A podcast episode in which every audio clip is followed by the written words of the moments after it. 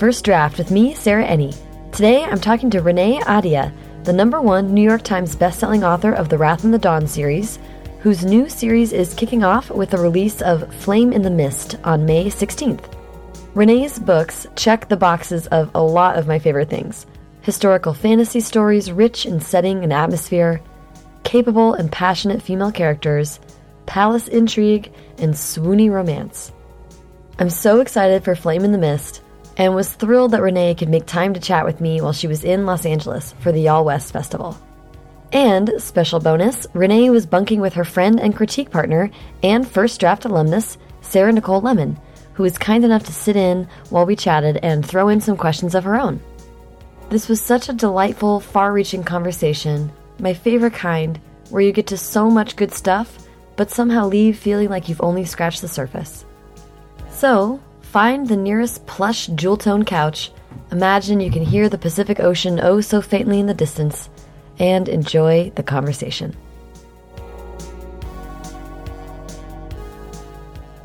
Okay, so hi, how are you? I'm doing really well, thank you. How are you doing? I am doing well. We were just talking about recovery from Y'all West. Yep.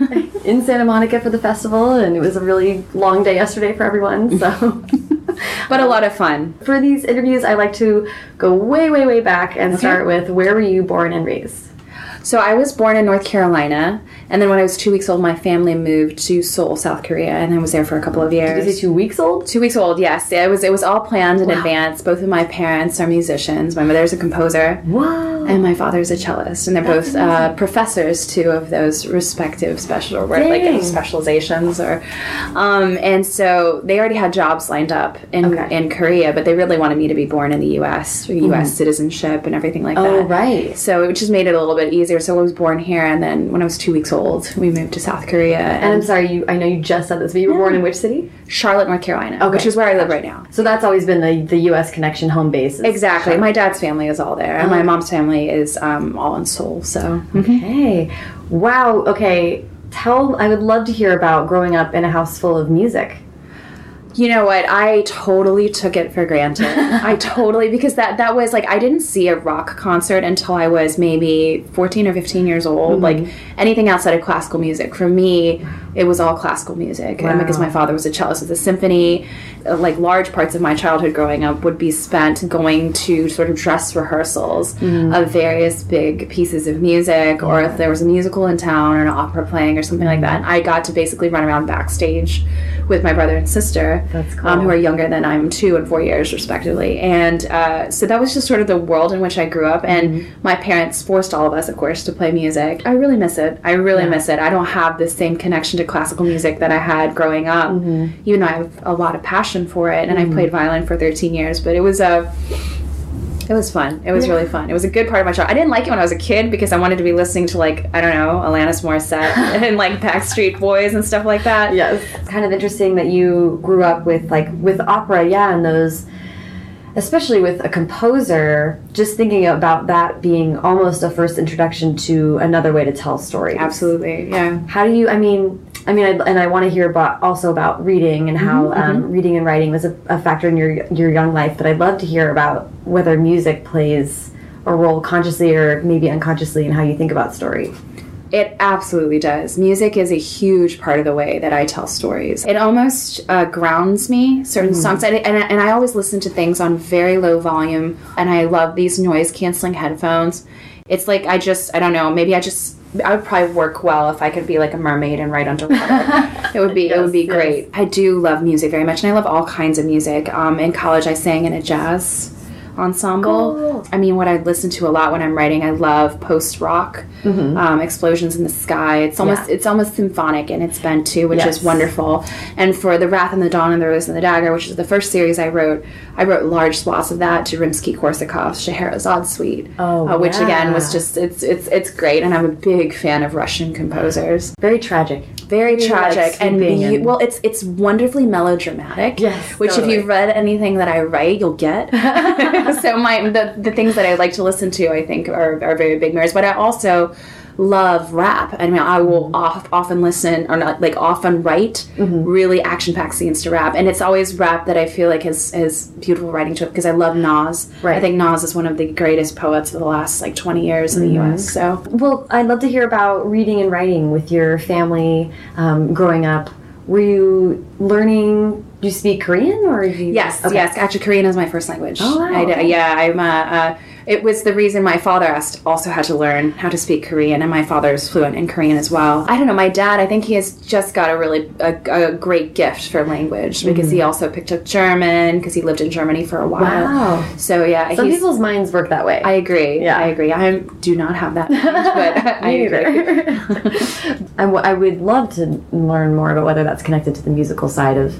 I think because I think some people's. I bet it is. I know, bet it is. It's that somebody that can just listen again to the music of everything mm-hmm. around you because I do think languages have such a wonderful music to them. Yeah. It's and like my husband is Persian mm-hmm. and I can always tell even though I don't speak Farsi at all, like I can mm-hmm. I can order food and curse people out in Farsi. Thank you. important Thank you very much, Victor. um, but I can't really do anything outside of that. But I can I can pick up on whether somebody's speaking Farsi, Dari, or even like Arabic because I can see the music of the language because I've been around his family so much. So I'm sorry. That was by way of asking about reading um, and what kind of stories were in your house when you were younger. Oh my gosh. So, um, I attribute my love for books mostly to my dad. Um, of course, to my mom. My mom pushed us a lot to read. We weren't allowed to watch TV during the week. My dad would always read to us every night, um, and he would often do the voices. I have sort of these, like, you know how you have these little almost like murky flashbacks into your childhood and it mm-hmm. can happen at like the weirdest moment in time you can mm-hmm. touch something or smell something and it'll bring like Yes. bri- bring back a flash. It's never a full memory. It's just like a mm-hmm. window or something like that and uh, my father would read like dr doolittle to us and do all the voices Amazing. And also, I love this, and this I think ties into to the Wrath and the Dawn, like pretty explicitly, like having those really profound memories of telling the stories Yes, too, not even just reading, but the engagement. yes yes the power of story Yeah, Yeah. yeah. That's amazing. So, so were you um, writing, or how did you come to that when you were younger? Um, so I, I always wrote really bad poetry when I was growing up. Very emo. It was Oh, very yes. appropriate. It was good. And I think my first attempt to write an actual piece of like prose, like fiction prose, was um, uh, Nancy Drew fan fiction. Uh, my grandmother here. So when I was, so we come back here from Korea, uh, and my grandmother who lives in North Carolina, she gave me a bunch of Nancy Drew books. And she loved these Nancy Drew books, and I read them like just like cover to cover, dog eared all of them. Oh, I'm gosh. sure I don't even know what happened to them. They were probably like collector's editions because she'd given them to me, and I loved Nancy Drew so much. So I wrote. I it, I mean at the time it didn't exist, but I wrote Nancy Drew fan fiction. That's So that was my first thing. I love that. You're going back and forth between Korea and the U.S. Mm-hmm. and you are mixed race, and then you think you said your dad was white, and you're learning. I mean, that's Nancy Drew is like so American. um, I mean, how how do you feel like you were getting stories from Korea too? Like, how are, how is all of this cultural blending happening? You know, I and and I feel like this is a case a lot with uh, with other mixed kids that I meet. It's a lot of straddling two worlds poorly. I think is the yeah I mean, be- because the thing is. You exist in one sphere, so like we even went to like Catholic mass with my mom at a Korean Catholic church, even when we were back in the U.S.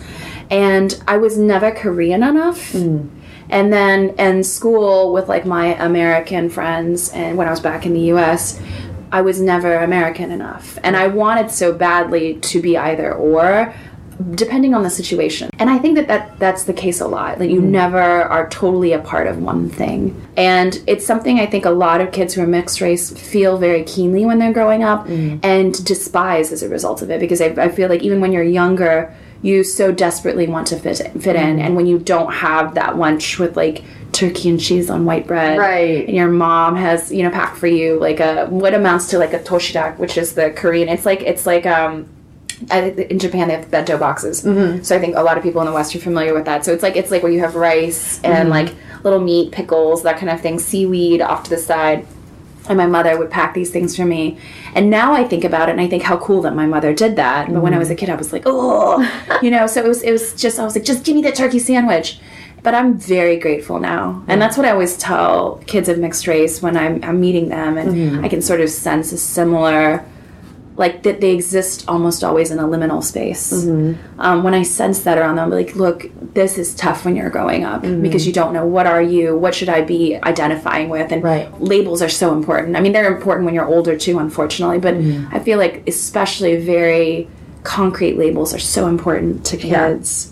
I don't know. Like, I think that I, I look at these kids and I say that you will be very grateful for this. Mm-hmm. Maybe not now, maybe not five years from now, but when you're much older, because now I can't imagine being having been brought up any other way.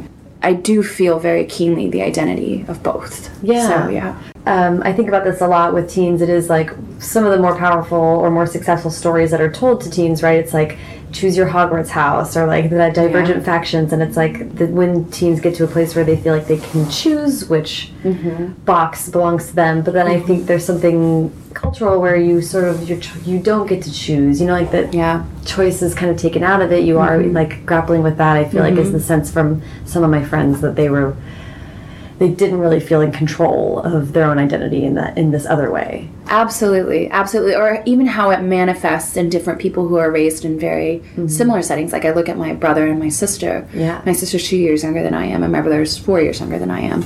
And uh, my sister, she spent so much time trying to keep up like with reading and writing in Korean because she wanted to be like I would consider myself functionally illiterate in Korean. I can I can carry on any sort of conversation with mm-hmm. people and understand what's going on. And, and a lot of the times at home when I'm talking to my mom, mm-hmm. it's mostly in Korean. Uh, but because I didn't attend school for like those, you know, like when you're older and you're learning how to read and write and be very professional, mm-hmm. so it's like functional illiteracy. My brother never speaks Korean. Like he understands everything that's said to him, but if you speak to him in Korean, he answers you in English. So it's just like these weird layers of distance that we've all put, and I'm mm-hmm. not I'm not exactly sure, but again, I think it's largely personality based Yeah. too. Like Yeah, yeah, that's so interesting. Mhm, Yeah, yeah. it is one of my siblings are like yeah, endlessly it's, fascinating. It's endlessly fascinating. yeah. mhm. um, so, what kind of school were you going to? Were you? Um, So I was in uh, when I moved here. I was in a Catholic school actually in North Carolina. My mother was Catholic, but I feel like again my my parents with religion. It was interesting because my father's an atheist, and he's one of those very proud atheists who who gives off the air of implying that he raised kids to know better. interesting. And my mother's um, attachment to her faith is so deeply rooted in music Oh, really? because she was raised Buddhist, and then she studied at a conservatory in in Paris, and she fell in love with Gregorian chant, and they wouldn't let her come in to listen to it unless she was Catholic. Whoa. So she converted, and it was for music that she converted to the Catholic faith, and then it became a part of her cultural identity because she started to make friends with other Korean Catholics. Right. And then when she moved here, that was how she maintained connections to her roots was through her faith. That's incredible. But I wouldn't I wouldn't even say that my mom was someone who was very religious. She her religion is music. So yeah. That is Yeah. so amazing. Wow, that's so interesting. But also, a Catholic private school is a very specific It is. experience too. It is a very specific appear- and experience. even within America, I mean, like all of these things Yeah. are like whole like worlds yes, themselves. yes, yeah, absolutely. That's so interesting. like even again going back to that idea of sense like whenever i walk into a high school i don't oh know what it is what the hell they do but that smell of lysol and desperation transcends time it's like it's like i'm like Yeah, you're right back. yeah you're like ah and then you feel your shoulders starting to hunch and you're looking around you're like no stand tall stand tall It's just decades in your it's fine Left it behind. oh my gosh. So you were so you were doing poetry. Were you doing other kinds of uh, writing?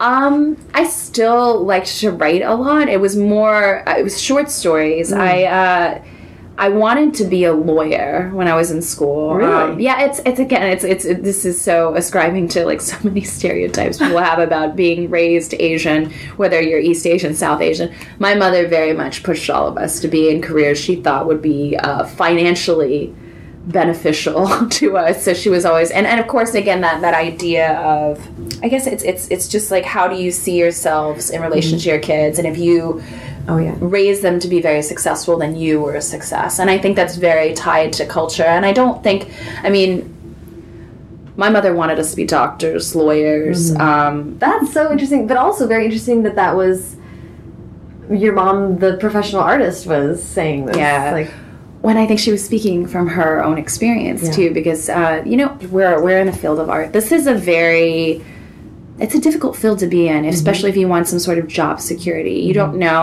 I mean, just like there's no ceiling, and Right. people look at people like J.K. Rowling and they're like, "Oh, she's so incredible." I mean, she's an outlier, but there's no ceiling to how much we can make, and there's also no floor. Right. So, um, Right. so There's I no consistency. there's no consistency whatsoever. And I think my mom was trying to spare us that because both my mother and my father pursued their passions. Mm-hmm. And even though I think that it was fulfilling for them to do that, I think they realized, I mean, unfortunately, especially with musicians with classical music, it's always something that it hurts me a little bit because I don't I don't think it's something that easily captivates the minds of youth. Right. And I, Yeah. it makes me sad. Yeah, yeah. If you're not raised around it, you kind of it's it's one of those that's like hard to access. Absolutely. You know? Absolutely. And I think especially classical music is so tied to class, Right. which I think is um I just find it really interesting too when I meet other kids who are big fans of classical music and how much it's tied to their families, the way that they raise them from a class perspective. Right. I almost want classical music to push past that because I feel like anyway, I have a lot of opinions on music. So I I love like I a that. But I but I know exactly what you're saying. I had a, Yeah. um I was really close with someone who was a passionate golfer, and they were like, Yes, this yeah. really stinks that I feel like when I go golf, I'm only going to see a certain kind of person." Yeah, Like, because it's so tied to class. Um. So yeah, it's it's interesting when you get in there and you're like, Yeah. how do we like open this up? Especially Absolutely. classical music, which can like is so powerful and moving and like Absolutely, and, yeah. inherently has no you know it's, there's no It's timeless. yeah and people don't realize like that it's shaped so many of like even if you're somebody who has zero understanding of music if you're a big film buff if you're anything like that those scores i mean I, I always laugh when people are talking about star wars this is i'm gonna get super nerdy on you. Because the uh, the score for that is really really inspired by uh, gustav holst's the planet. Oh. The planets is is an entire suite of music. And um, it's really funny to me how similar it is. And if you listen to the planets people will be like oh this is the star wars theme. And i'm like nope nope nope. It was written way before john williams ever penned a single note for this. And it's inspired by that. And again it's very recognizable like the imperial march all that kind of stuff yeah Ah, you're like we've done this before. Yes, we have, yeah. Oh, interesting. Okay, that's great. And actually, um, I do show notes for these, so I'll link to all the things that we're talking. Oh, about. so awesome. can Okay. check them out. Yes. Yeah. I'm like, ooh, I'm gonna. it's it's mars bringer of war okay. by holst yeah yeah awesome. Okay. I'm like, we got way off a little bit. We bit. did, but we that's, But did. that's great. So, um, but I would love to hear. Um, just lead me to how you started um, writing, going to school, or what, Mm-hmm, what kind of brought you into that. You know, I didn't start writing like novels until I graduated from college. And when I started working, and I was working in real estate as soon as I graduated from college, my boyfriend, who is also my husband now, he started working in real estate and had a very sort of like Annie get your gun moment about it because it was like anything you can do, I can do better. Yeah. so whenever we graduated from school, he's a year older than I am.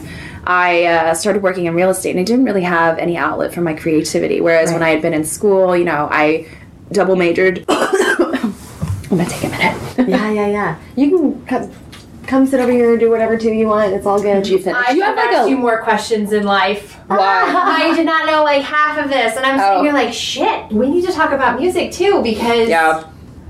I and I was when you were talking, I was like, I bet that's why she likes Tool and Metallica Yep. because it's arranged as an orchestra. It's, It's symphonic. All of it. All of orchestral. yes. Yeah. And that's what I like writing to too because the words distract me, but the complexity of Mm-hmm. that arrangement, I guess, is what like fires something Mm-hmm. uh, in my brain about writing. Well, symphonies mirror the three act structure. Most of the most yeah. well known Look at us, symphonies mirror this the three act structure. So even if you look at Tool or Metallica, the symphonic line there, the melodies behind Yes. it are very much telling a story. Because you have a refrain, you have a And hook, I love you have the yeah. planets thing. I've listened to that while writing Yep. books. Mhm. Um, that's one of my favorites. And then Explosions in the Sky. Oh, yeah. I love Um, explosions in the sky. Human Bell is another one that's Yep. very like a weird sort of post. I don't know, post rock. It's post rock, yeah, Yeah, like. Mogwai, Godspeed You Black Emperor. Godspeed yes, You Black yeah. Emperor is Yeah. the reason. The, if you actually, sorry, I'm yeah, so sorry. yeah, yeah. Oh. The opening to Done Dirt Cheap is Yes. written because of Godspeed You Black Emperor. What? How did I not know that? It's if you, especially the part in that one, I forget what the title of it is, where he has like an opening monologue. It's basically like this post post apocalyptic story. Yep. Mm-hmm. In the beginning, and it the, it ends in this line that's like, and the flags all hung dead on their poles, mm-hmm. and it's just this immediately like. Oh my god. Chilling, No, no, no. Now I know where that's coming from. And the I was just scene. trying so hard The in hell? that first scene to replicate that feeling Oh in my that God. music. Dead air desperation. Mm-hmm. Yes. oh my god, yes. I I was just talking to someone brilliant that, Yeah. Yeah. about uh, writing books to to fit around a feeling. And that- that's like what the whole and there's a 30 second interlude in a Beck song that I was like, I spent two years writing a book trying to feel like Yes. this. Oh my gosh. Yeah. Yep. Yep. mhm. It's so crazy. Oh my god. And I also I knew that Metallica had toured with a whole symphony. with the San Francisco Philharmonic. Yeah, did they have an entire. No. cool. Well, they have an entire album, which isn't uh, like actually one of my favorite things to listen to, and one of Victor's favorite things to listen to. And the album is called S and M, and it's Mm. basically covering all of the songs off the Black album. There it's it's all about atmosphere too. It sounds like Yeah. we are all kind of similar in like that is for me the point of a book is that you really and we're gonna I, I would love to hear you about how food and all that Yeah, no, yeah. it's like and and what people are wearing and it's just this very like I'm just a heathen. Is really what I'm like. well, and it's very. I think it's very um, tied to fantasy Yeah. stories, and actually, and and I love what I love about Done Dirt Cheap is that it is like a heightened reality, right? Yes. It's like it's like a Yes, Technicolor saturated reality that Yes. that evokes the kind of fantasy stuff that like I grew up loving so much. Mm-hmm. I think you've just hit the nail on the head of why I love reading her stuff so much. Yes. No, I think that's It's- exactly it. It's funny that you say that because when I'm writing anything, I think I want to, this to be reality, but painted bigger, broader, and in brighter colors. I love it.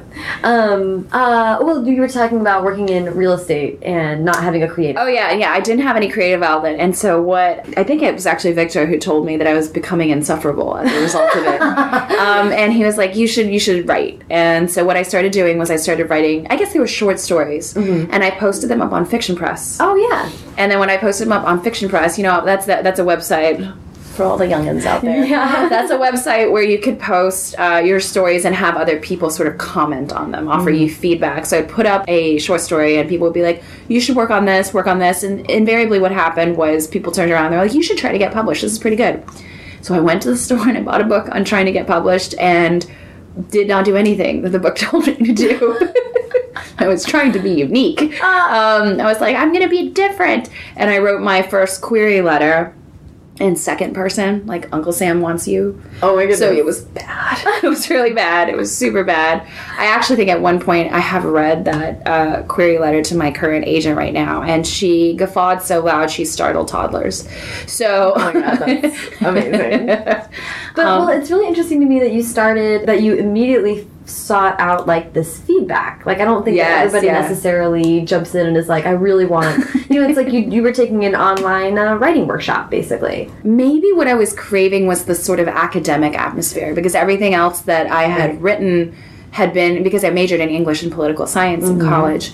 Um, everything that I wrote in both of those classes was then up for review. People would debate like whether or not you were valid, your points were valid, whether or not you'd done a- an accurate an- analysis of the brothers Karamazov or whatever. Yeah. So uh, we would we would be um, discussing that in class, and I think I was craving that same sort of feedback and also the validation that comes with that feedback that your time is being well spent and I, I also knew i wanted to grow as a writer i majored in poetry in school writing poetry and writing prose it's oh, very very different.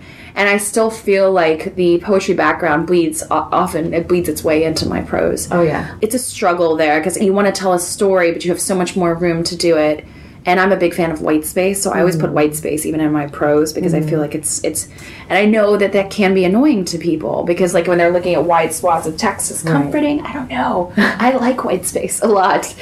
Well, and it's very and you're you are thinking about the visual experience of the reader. You know? Exactly, That's yeah. very interesting. And, yeah, And that's I mean, more some- my experience. it would be nice if I were thinking about the visual experience. I'm like, this is aesthetically pleasing to me. I, I just want the beats, the natural beats that come with having your eyes have to jump to the next line. Yes.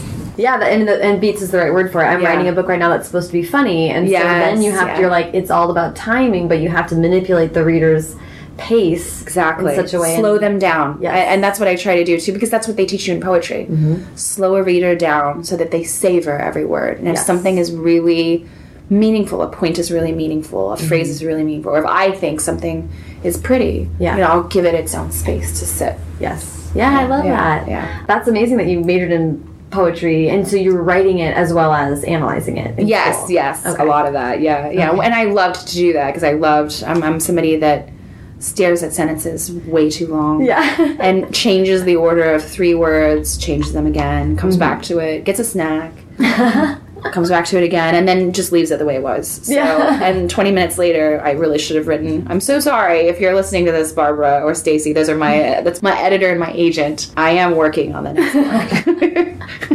But also, like, I, I relate to this hard of like um, the feeling of I think a lot of us are just people that miss school. Yes, There's a lot of yes, yes, and it's so sad though. Like, like I'm like looking back here, and I'm like, because you're in school, you can't wait to get out of school, and you can't wait to be like an adult, Right. have your own adult things, and then you're an adult, and you're like, just put me back there. Yeah, you're like, Where the only thing I had to do was go back to school. I want a lesson plan and I want a gold star and please, like, I want an A. I want somebody to come pat me on the back for it. yes. um. So, ha- so, and, and yeah, like, I love that you were getting the feedback and you were growing, and the, but then were you was it um still short stories or were you building to something? Were you looking to get published with novels or how was I quickly learned that it's very, very difficult to get published writing short stories. And so I decided to take a topic that I had written a short story about. It was a really dear friend of mine whose fiance had left her in a horrible way um, via text message. And I felt No. yes, yes, oh, yes, yes. my goodness. So he left her in this horrible way via text message, and I felt like like the the tragedy of that sort of interlaced with like I just see so much that's great about technology and so much that's great of, that's great about social media. But there's also this distance, this built-in distance, this cushion that people abuse often. Um, and kind of like what we were talking about on the panel the other day of you know how like you'll have this one tone that you use with people online on gchat on uh, text messaging or whatever it might be on facebook and you would never use that same tone in person. You are a completely different person. You have this internet persona and often the internet persona is a great deal more fearless than probably he she or they should be. I think that he broke up with her via text message because he felt that that was controlled and safe for him. And I had so much to say about this. I've got so, so much to say about my friend too, because it happened at like three o'clock in the morning, and she waited three hours to wake me up because she wanted me to have a full night of sleep. And so then I got in a car to drive to help her move out, and like two of us. And I just remembered that it was such a, the whole experience again, it has so much wrapped around it. So I had written a short story about it, but I knew mm-hmm. I could do so much more. So I wanted to turn that into basically a chick lit novel. Mm-hmm. And again, because I never was paying attention to trends or anything like that, I mm-hmm. was writing a chick lit novel at the time when no one was buying chick lit. Right. Because it was right after Bridget Jones' Diary had peaked. Right. Um, you know, The Devil Wears Prada was out, and everyone was like, this is not a thing anymore. Right. And so I wrote what amounted to a chick lit novel about this girl and her friends and how she comes back from being, and it was it was contemporary hmm. romance. It was adult, and I queried that with my Uncle Sam wants you to letter. I thought I was clever. I was not.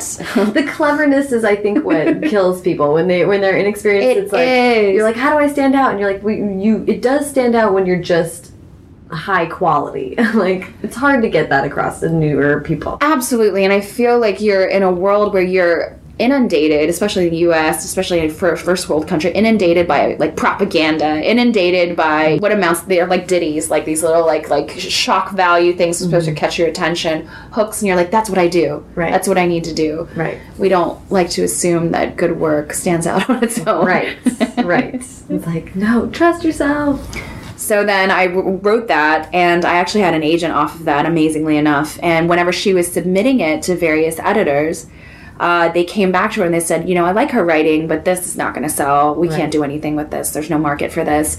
Um, also, and it was a couple of different editors that were like, her voice is incredibly young adult. Oh, interesting. And so my agent at the time was like, "Yeah, they keep saying you're really young adult." And I remember looking at my shelves which were covered in The Hunger Games, Twilight. And I was like, that actually makes a lot of sense. Ah. So when I had loved to read again, going even back to Nancy Drew, which is young adult, Mm-hmm. I loved to read Babysitter's Club when I was like first here too. My my mother didn't want me to read it because she thought it was trashy, and so my aunt always snuck like books to me. My aunt on my on my dad's side always snuck Babysitter's Club books to me. I love that the, the cool aunt is yeah, the cool aunt. you- Yeah, exactly. I mean, they're not not trashy. They are like what they are.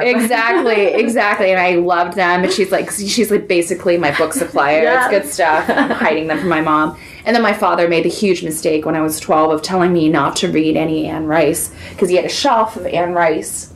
What do you do? You don't tell a 12 year old that. no, you unless that was his master plan. No, I don't think it was. I don't think he had any intention of me reading those books. I was Um, um, 12 when I read Anne Rice too.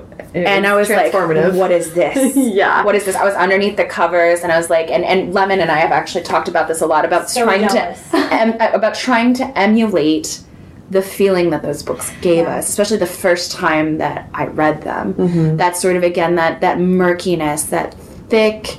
Like heavy sort of sensuality, even if it's not necessarily a sexy scene, like being able to impart that in my own work has been Yes. something that I've constantly s- striven. Is it striven? Striven? I don't know. Striven? think striven. strived. I think Strived. strived. Strived. Yeah. Thank you.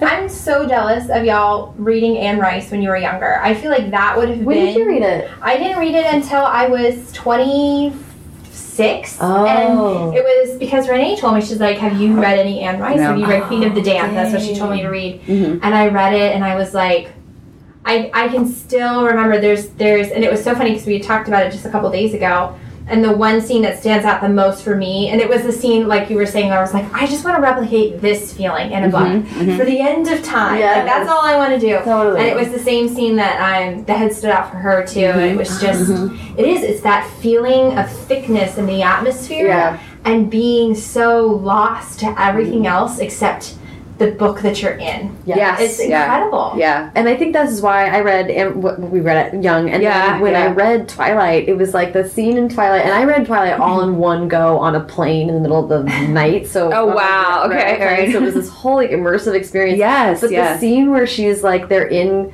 science class watching a movie, but she just feel like just she's just bodily close to him and is so aware of him. I was Yes. like, how did she make me feel like I was back there? You know? yes She like really nailed it. because it's such an id book. Like Yes. whenever it's such an id book, and I feel that way too when I'm reading uh, Anne Rice, and I feel like what happens, and it's such a tragedy with writers, is we get wrapped up in the idea of craft, wrapped up in the idea of how I should be writing this book, Right. and lose sight of uh, of writing. And I try to constantly push myself to write id books, and I know that they're obviously because they're id books, they can be very sort of like I don't know if I can say this masturbatory. Like yeah, like they can be very sort of masturbatory because they're self-satisfying. Right. Like I'm trying to write what I would want to read, and I don't really care about, but like the pros I don't really care about like, you know, am I doing what will get me good reviews? Am I Mm-hmm. doing? This is just pure wish fulfillment. Yeah, that's what you Yeah, mean? book is. yeah, exactly. Incredibly wish fulfillment, and um, I think it's a really difficult thing, especially for newer writers, to straddle writing an id book or an ego book because Yeah. you obviously want the accolades, you want people to give you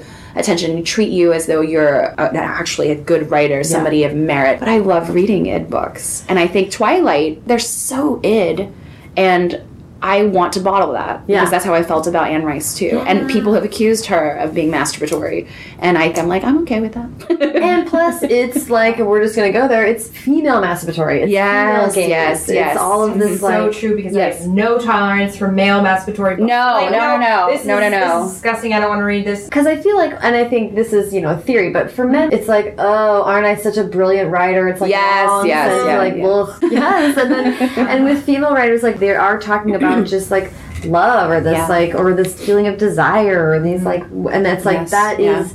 id for Stephenie Meyer, but I understand it so well that Yes, now it's like yeah. Mm-hmm. my experience too. So it's just a different thing altogether. I totally agree. I I totally think agree. that's why I loved Twilight so much. Even like Twilight for me was so sticky. I blew through it. I, Yeah. I like got a migraine and missed work. The thing that transcended everything in that book for me was the was just that feeling. And I think the word I love that you used um, just now was desire. Like I remember feeling the intensity of desire, and it doesn't matter if it's a healthy feeling. It doesn't matter if other people think that this is a good idea. It didn't matter at, that at all. It was the first experience of desire for something as a young woman. Yeah. And I, that's just so special. And the fact that she was able to capture that feeling uh, is just like to It's me magic. forever. I will defend Twilight until the end. Of my days. Absolutely, absolutely. Because the other thing she did so well was the desire aspect, but also the illicitness. Yeah. And that was the thing for me that I think really propelled me through Anne Rice's books, mm-hmm. specifically the Vampire Chronicles.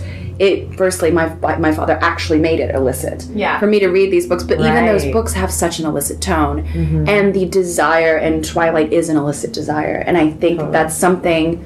Again, we we remember feeling something we shouldn't feel when we were younger. Because I think in our culture, female desire is still very much Absolutely. illicit. Yeah. It's it's illicit. It's illicit on the page. And even if you look at the way that um, Stephenie Meyer writes it in Twilight, I'd say she writes it in full awareness of the fact that we are not allowed to have these things on the page because they're not. It's it's it's it's it's very sort of shadowed. It's very sort of like I don't even know how to describe it. It's it's very watered down even in the book, but even that slightest tinge of it, it can captivate us because we understand it so well. Yeah. Yeah. And then for us, I feel like there's another level of illicitness where it's like we're Yeah. supposed to love higher levels of literature. We're not supposed to be Right. Exactly. adult. It's like f you. Yeah, All exactly. It gives exactly. it like a, a real like. I mean, I love it fiercely. You know. Mm-hmm. I love it fiercely, and I love reading it. I love writing it, and then you still have to pull back and and try to find a way to justify whether or not this has literary merit. Right.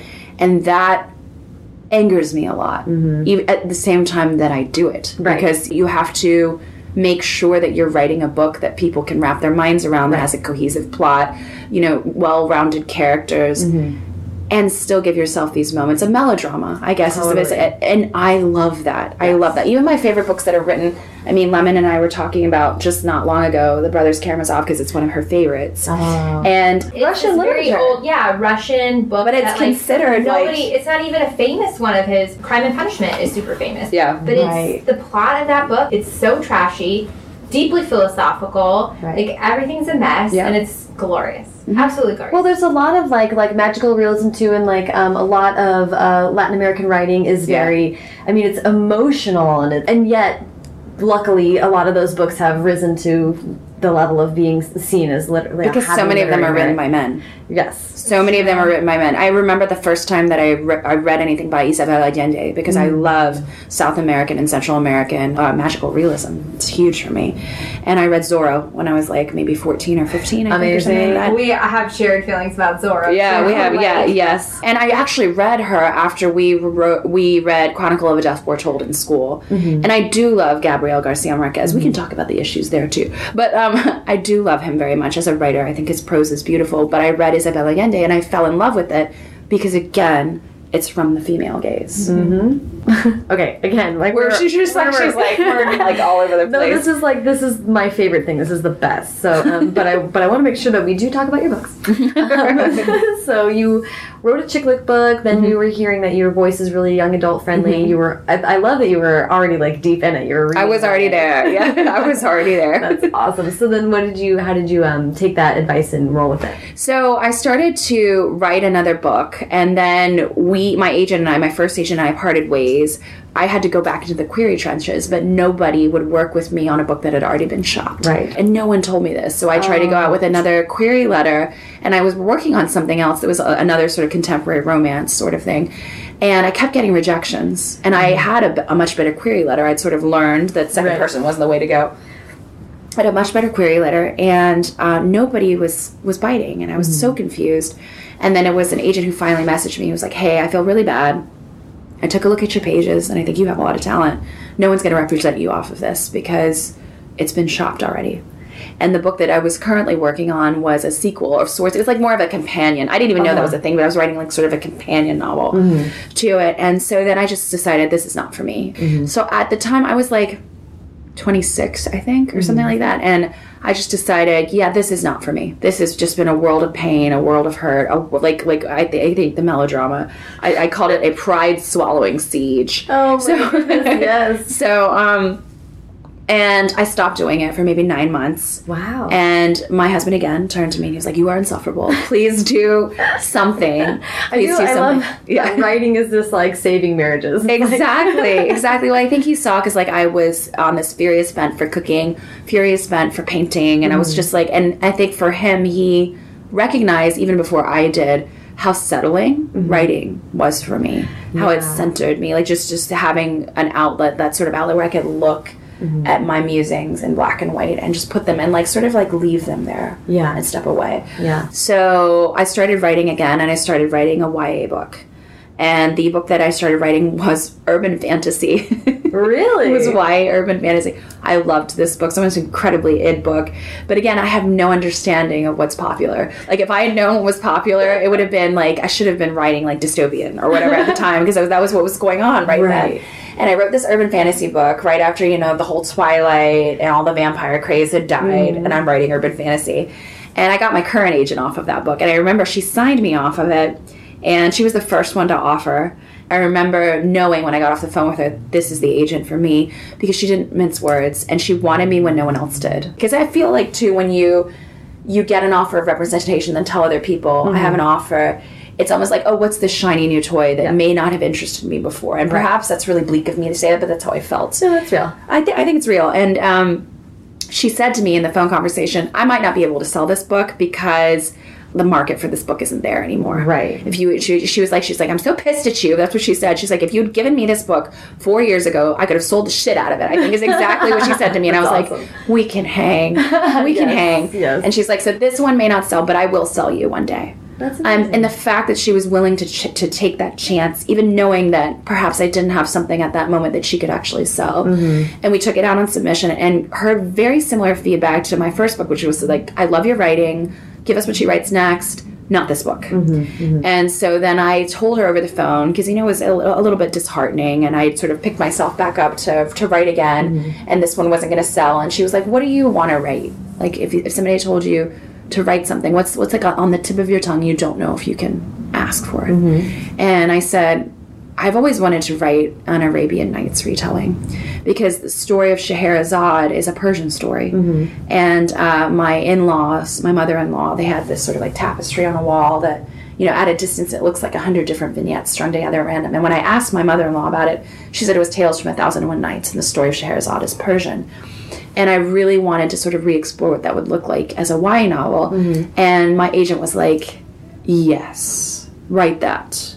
Awesome. And I was like, "Are you sure? I don't know, you know, because it's it's part, such a big part of the literary canon. I don't want to be disrespectful. I also don't want to muck it up or anything like that." Mm-hmm. And she's like, "No, this is what you need to do." And I feel like everything happened the way it should have happened because her vote of confidence was what I needed to really tell myself, "Yes, I need to sit down and write this." Yeah, mm-hmm. and, and I really want, I'd love to hear what you think because this is advice that is often given to newer writers or, or mm-hmm. anybody Yeah. about not writing to trends. Yes, You're yeah. sort of, you're talking about being in tension between like wanting to write what you want to. Yeah, But yeah. also like the market exists. We Yeah, can't, we yeah. can't deny that either. absolutely. I mean, if she'd said no Yeah, because of the market, I don't know, this is interesting. No, she and she never does that because she's very much like me. She doesn't really know, and it's funny now because I think a lot of people think that I knew what the trends were going to be, and I had no idea. That's like so my agent, yeah, no, no, ever I had no idea.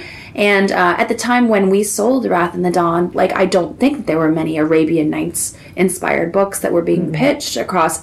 There were probably ones in the past. I mean, I'm, I'm very wary of ever saying that I was the first to do something because that's nonsense. Right. Who's the first to do anything? But I didn't see many of these books, and I don't think we, like, even my editor, I don't think my editor acquired it from a place of this is going to be a trend. I think it was Right. just a book she really loved. Yeah, yeah. And uh, that really has worked out for me because I'm working with all these people who have such passion at what I want to do is something I'm now allowed to do, which is wonderful. Yeah, that's Yeah, amazing. yeah. I'm really curious about how about you exploring this story from maybe even a way of like further understanding your husband's like the stories that he was told as a kid and like this mm-hmm. like kind of diving into another cultural like a thousand and one nights is is so universal but it's mm-hmm. like so specific and kind of beautiful how mm-hmm. did you kind of jump in there for me, again, it was just about the passion that I had for these stories.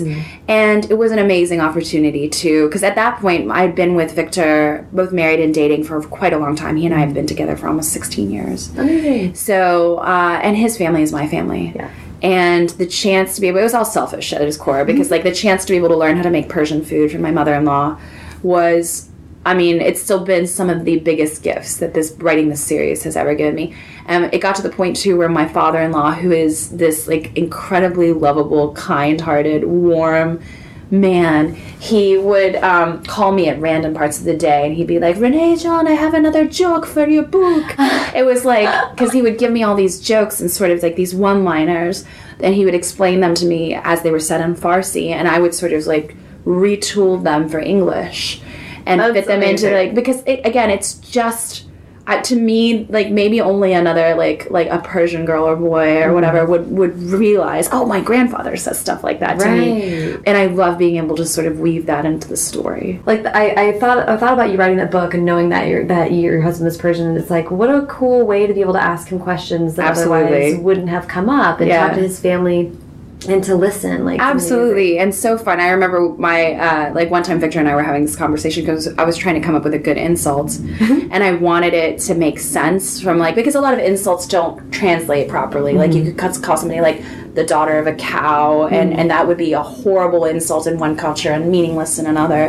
Um, and I he came up with the word jakesh. And the translation I think he gave to me, which obviously I, I, I couldn't put in like the glossary or anything, was like pimp lord or something like that and it's like it's just like the lord of the pimps or something like that and i was like this is amazing and so like yeah like That's awesome. that is rad. Oh my god! But the, and I love that you know. It's great that you had that kind of background because you do want to tell the story sensitively, obviously, and like be aware of all of those things going into mm-hmm. it. So, I mean, how else were you sort of navigating telling the story, being sensitive, but mm-hmm. also like telling it how you wanted to tell it? I think you have to realize, and this is sort of bleak, and I have this conversation a lot with people, especially with the climate being what it is right now and writing and in, in children's books, mm-hmm. where everybody's trying to be almost so careful that they're they're so afraid to do anything at all. Mm-hmm. Is really what it comes down to. Mm-hmm. The truth of the matter is, you are going to get shit no matter what you do. you are going to get shit no matter what you do because that's the nature of this business like you put something out there for public consumption. You tell somebody what do you think mm-hmm. about this? Mm-hmm. You will not be able to please everybody. That's just impossible. And yes there are certain times where people who express their displeasure to you where it stings a little more. But all i can say to myself and all i can say to the people around me the people whose voices are ringing the loudest and truest in my ear mm-hmm. is did I respect you? Did I mm-hmm. respect what's beautiful about your heritage and your culture? And if my family around me and the people around me whose voices really are ringing loud and true mm-hmm. say to me, yes, absolutely, I cannot please everybody. Mm-hmm. And people will find different things that will upset them. And their voices are valid because, again, when you put something out there for public consumption, somebody criticizing you, somebody disagreeing with you, their concerns could absolutely be valid and they are entitled to that. And I did, to a degree, put that on myself when I put it out there. Right. It's not mine anymore. I can control the narrative around this. Right. Right. Well, So- I, lo- I, I am really compelled by how you're describing that because it reminds me of how you talked about um, presenting your uh, stuff in college and Yeah. having it. I love thinking about books as you putting it out there and saying, "What do you think?" Yeah. A book yeah. really is the beginning of a conversation. Absolutely. And a lot of that conversation is going to be like, here's all the things I would have done differently. Absolutely. Here's all the things I didn't like about it. Just like when we go see movies, and then afterwards I spend an hour talking about all the ways I got it wrong and like, blah, blah, blah. Absolutely. But it doesn't mean I didn't love it. It's like Absolutely. engaging with it. Well, and that dialogue, I think, is often the most meaningful aspect of it. Like, I mm-hmm. haven't seen Get Out yet, mm-hmm. and everybody keeps telling me I need to watch Get Out because of that exact thing. Mm-hmm. You step away from that, and even if you are somebody who doesn't like horror movies, or even if you're somebody who, who this kind of a movie makes you feel incredibly uncomfortable mm-hmm. about your own privilege, whatever it might be, mm-hmm. that dialogue is so meaningful. and we need to have stuff to start it and we need to be able to have conversations where you can say the wrong mm-hmm. thing and someone can tell you why and then you can Absolutely. grow and learn and change. Yeah it's very um and pain is valid. Pain is valid and i think that that's probably what what we have a hard time as an industry sort of totally wrapping our minds around mm-hmm. like and i really would hope that it gets better Your pain is a valid thing. If you could just say to somebody who's experiencing pain, mm-hmm. whether it be because a book has problematic content or a book hurt them in a specific way, mm-hmm. I think then the dialogue around 13 Reasons Why is and is absolutely indicative of this. Your pain is valid. And oftentimes the things we love are problematic. Yeah.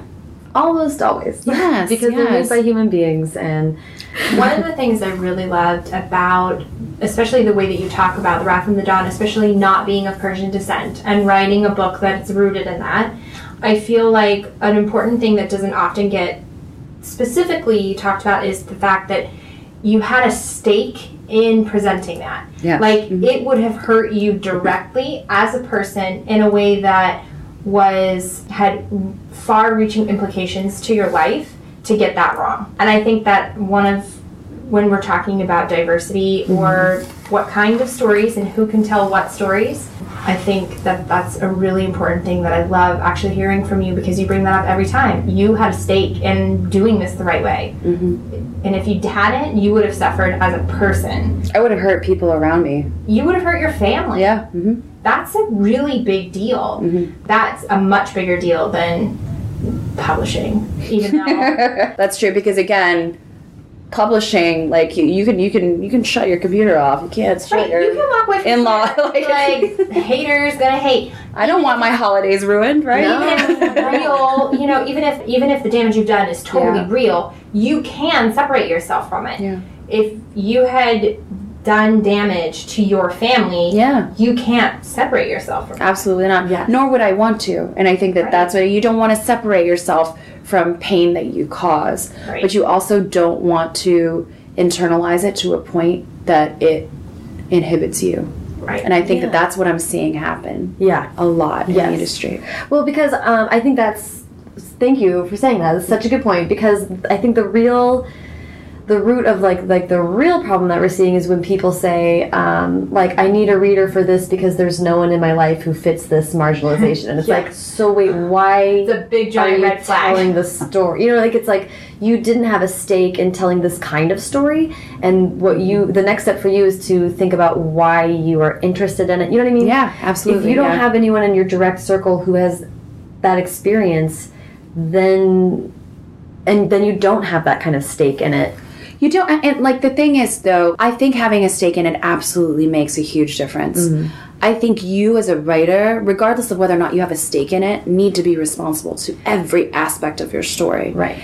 Like, ask yourself why it is that you chose to make that character that skin color. Mm-hmm. From this background, what are the reasons to doing Yeah. for doing it? If it's intrinsic to the narrative, if it shapes who they are as a person, their Mm-hmm. backstory, do they have a cohesive backstory that you understand, that you fully wrapped yourself around? Mm-hmm. If not, and you're just doing it because you have some sort of internalized checklist, Mm-hmm. that you like really question why it is that you're doing these things because that's what a responsible writer does. Mm-hmm. Again, like check off, you know, like gun in Act One. Why is that gun in the room?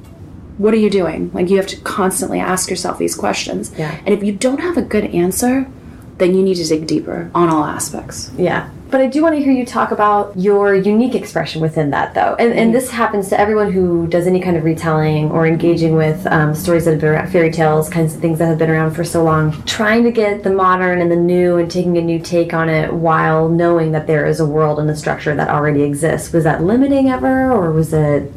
It was initially, and I, again, I uh, my agent was so important to this because I think when I first turned in, I turned in like 170 pages to her to take a look at to see if it was good, and she turned around, she called me, and she was like, "This is a monster." And, uh, and and she's like right now it's a monster not in a good way. We're gonna make it in a good way. Because again my my agent she's so she doesn't mince words. And she said i think what you're doing is you are too married to the source material. Oh. why don't you tell me what you love about this? And I told her, she's like, okay, take all that, discard the rest. She's like, you're creating your own story here. You don't have to worry about following every part of this to a T. Really ask yourself, what are you trying to do with this? What do you love? And that was incredibly freeing as mm-hmm. well because I realized she's right, you know, in my zeal to be as accurate as possible mm-hmm. and prevent anybody from yelling at me, prevent anybody from saying, you know, you're doing discredit to the source material, whatever it is. Mm-hmm. I was really wrapped up in too much minutiae. Yeah. So yeah, You're saying Scheherazade? Shahrzad is how. I, yeah, yeah, yeah, Yeah. yeah. Which I'm I'm going to fail at saying this. No, properly, you're totally fine. Shahrazad. Yeah, there you go. Yeah. Her story has already been told in Yes, its original yeah, sense. yes, and yes. So you know we, the world needs to know Renee's version of it. You know, like, Exactly. Yeah. And what Renee loved about it Yeah. and what she thinks you will enjoy. So, yeah. Yes, I love that. Mm-hmm. Um, the other thing that's so that A Thousand and One Nights uh, and The Wrath and Dawn get to do, which is so cool, and part of what I love about fantasy and and, and, and fantasy adjacent stories, is stories within stories. Yes. Building mythos within uh, stories. So, how did you think about what stories you wanted to be told within The Wrath of the Dawn? Wait, talk about Bluebeard in your story. The presence of Yeah. the of the Bluebeard story in in the Wrath of the Dawn is like, oh, I just I the first time I read it, I was like, like it just it was perfect because it was calling a whole entire history of folk.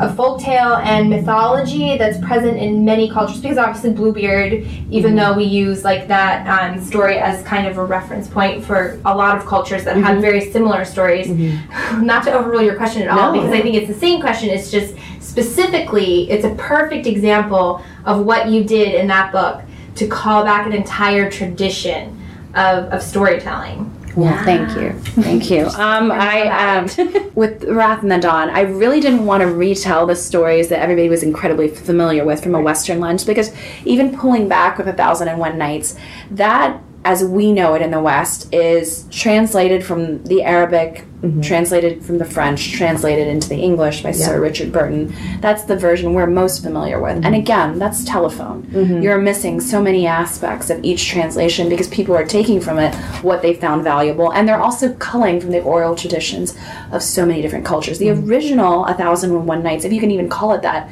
it's multi volumes mm-hmm. and it's also stories that span many different cultures, which is what I wanted to do too. There are like the first story of Aladdin is actually Chinese in origin, and there are so many stories that are inspired by South Asian oral tradition narratives, mm-hmm. and then you have the Middle East, and I think that people most associate because it's what Sir Richard Burton did the stories of A Thousand and One Nights as being the Arabian Nights. Right.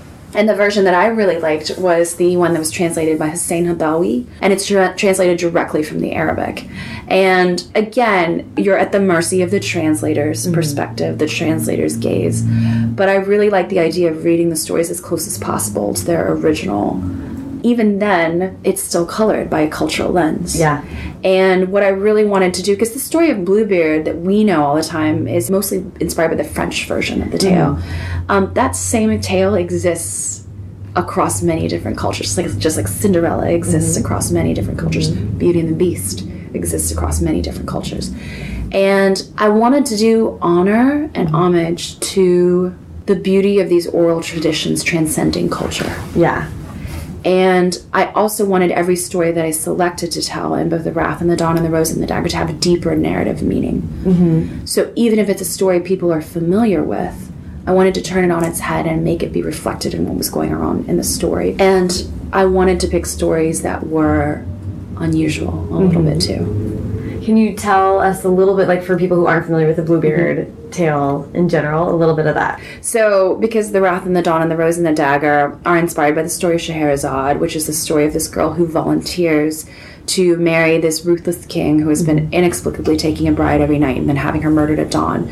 She tries to break this cycle by volunteering to marry him and then telling him a story at night and ending it on a cliffhanger at dawn and thereby staying her execution for another mm-hmm. day. And then it, and the tale goes that at over a thousand and one nights, he fell in love with her. They had kids, and the tr- and the, and the, this whole terrible cycle was broken. So, because the story of Scheherazade is a story about this girl who uh, volunteers to marry this man who's killing all his brides, the story of Bluebeard is very much that as well. This girl, she marries this man whose brides have been disappearing for a long time, and she is told by her husband, who treats her very, very well, that she is allowed to go into every single room in his in his palace or his castle, save for one. He gives her keys to all of them, and he tests her trust and loyalty. And she goes into the room and invariably finds these bodies of his old wives, his former wives, hanging there and blood everywhere. In The Wrath and the Dawn, Sh- uh, Shahrzad uses this tale to shame Khalid into telling her, and Khalid is the, the king in this story, into telling her why it is that he keeps murdering all his brides. Mm-hmm. Trying to, I guess, just hold up a mirror and be like, this man is a monster are you this monster? Mm-hmm. Why are you doing these things? And and to me, Shahrzad doing this is a clever way because she's been trying for a long time to figure out the secret here. Mm-hmm. A clever way to show him and shame him, and to and I think we often do this in relationships, especially because we know how to hurt the people we love. Mm-hmm. mm-hmm. And I think that that was what I really wanted to get across there too, some sort of growth there too, and her recognition that she was hurting him to get at something she needed. Mm, interesting. Yeah. And and how stories and fiction mm-hmm. can reveal more truth. I was fascinated by what would cause a girl to fall in love with a monster, a murderous monster, mm-hmm. firstly. Mm-hmm. I wanted to give that more teeth. And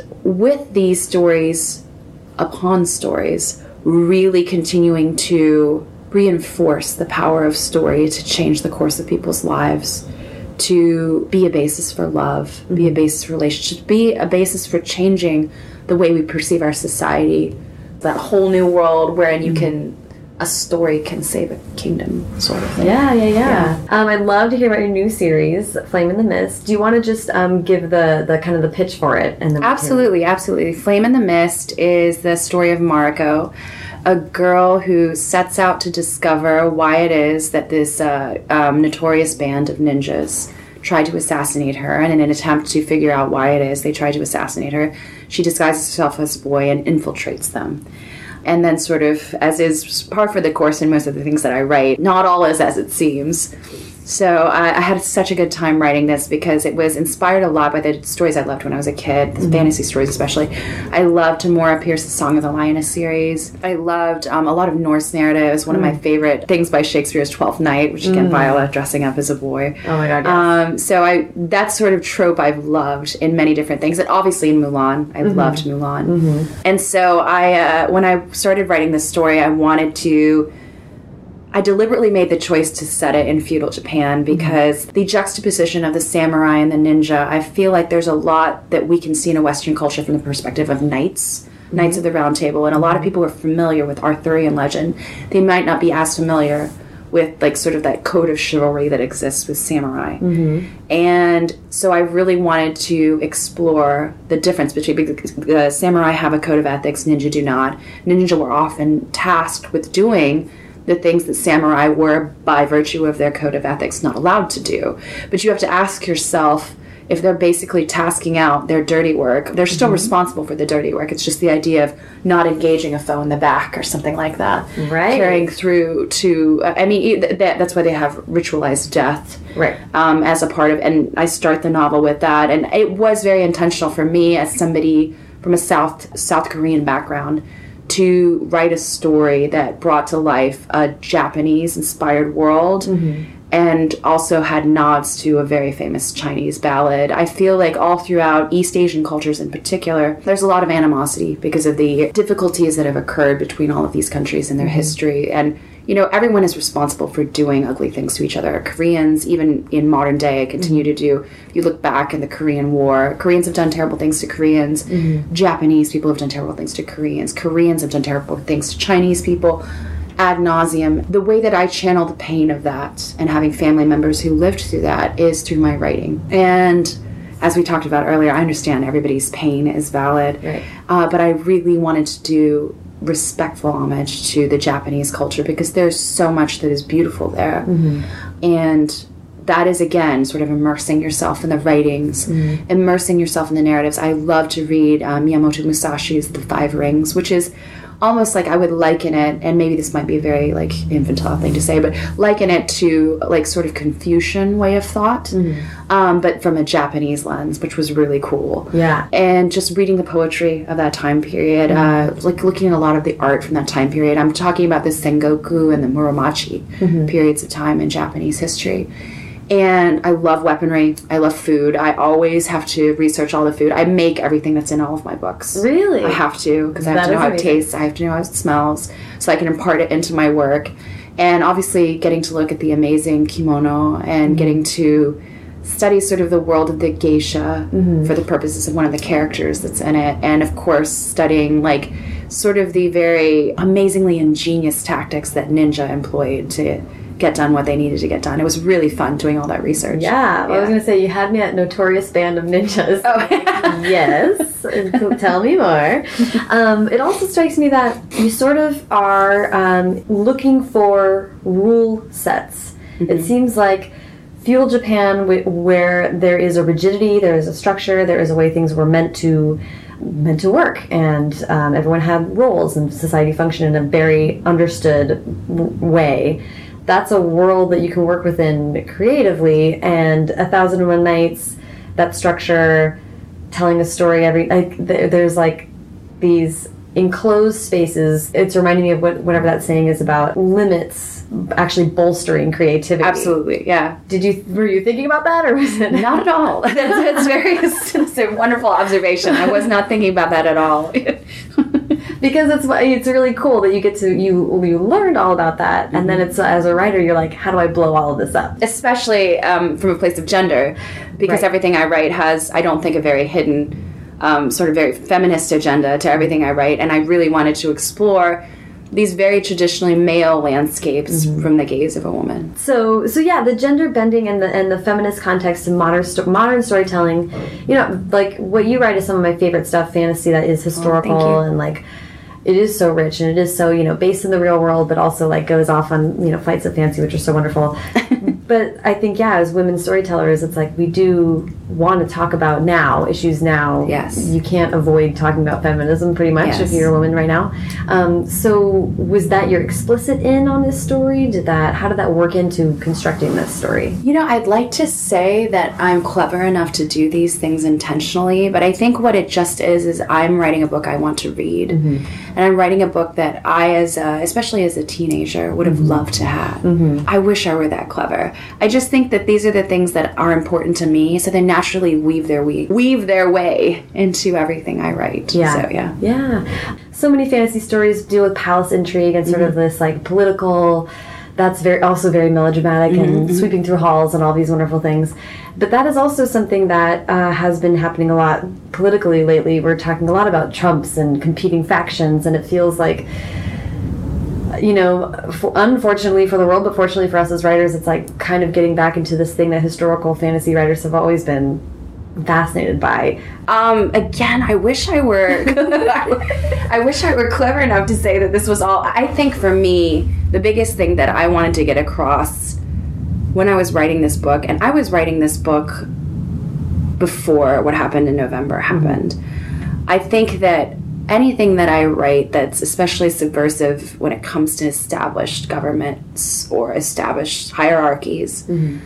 I am someone who really likes to question why it is these things are in place and what is the motivating factor from an emotional place. Mm-hmm. I feel like what happened in November is largely from a place of fear. Oh yeah. And I feel like fear motivates people to do amazing things at the same time that it justifies ho- the occurrence of horrible things. Yeah.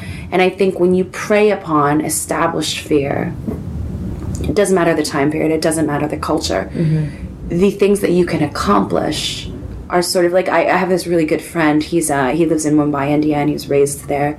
And he talked about the fact that the reason why there are no buildings like the Taj Mahal or these or the the pyramids that have stood the test of time for thousands of years is because these were built with slave labor. Right. And the things that you can get people to do when you make them afraid for their very existence are amazing Wow. but horrible at the same time because these are testaments to a very dark part of our civilization's evolution.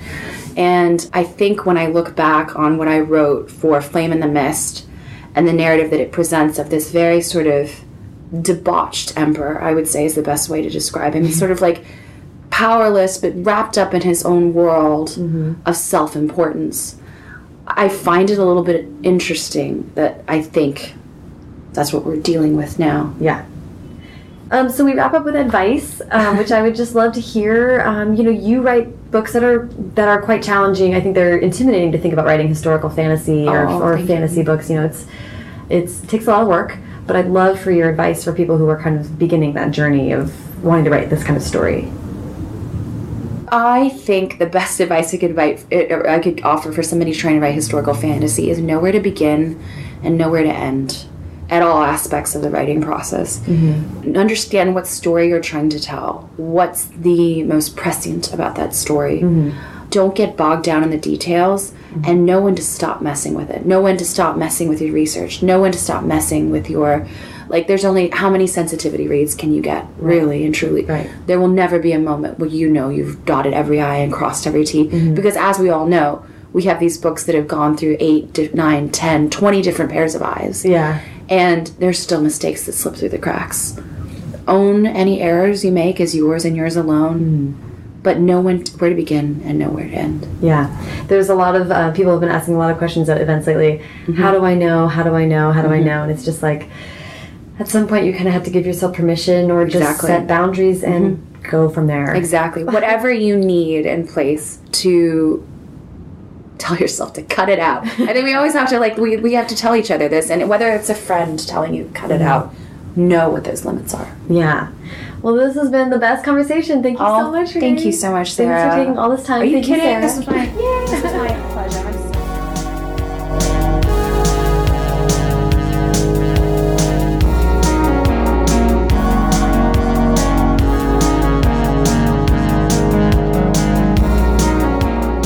so much to Renee. Follow her on Twitter at Rahdieh. That's R A H D I E H. And you have to check out her Instagram where she posts amazing makeup looks paired with new YA releases. You can follow the show on Twitter at First Draft Pod and me at Sarah Enni. You can also find the show on Instagram and Facebook. But for my favorite quotes from this and every episode, as well as links to transcripts, show notes with links to all the things Renee, Sarah, and I talked about, and to sign up for the First Draft newsletter, check out firstdraftpod.com. June is going to be here in a hot second, which means that BookCon is around the corner. I will be at BookCon June 3rd and 4th in New York City, doing some fun things and interviewing lots of authors. Hopefully, I will see you there. If you like what you heard, please leave a rating or review on iTunes. Every five star rating helps other listeners find the show, and it brings me that much closer to completing my first grand sonata. Thanks so much to Hash Brown for the theme song, and to Colin Keith and Maureen Gu for the logos. Thanks to super intern Sarah DeMont and transcriptionist at large Julie Anderson. And thanks, as ever, to you, heavily saturated contemporary characters, for listening.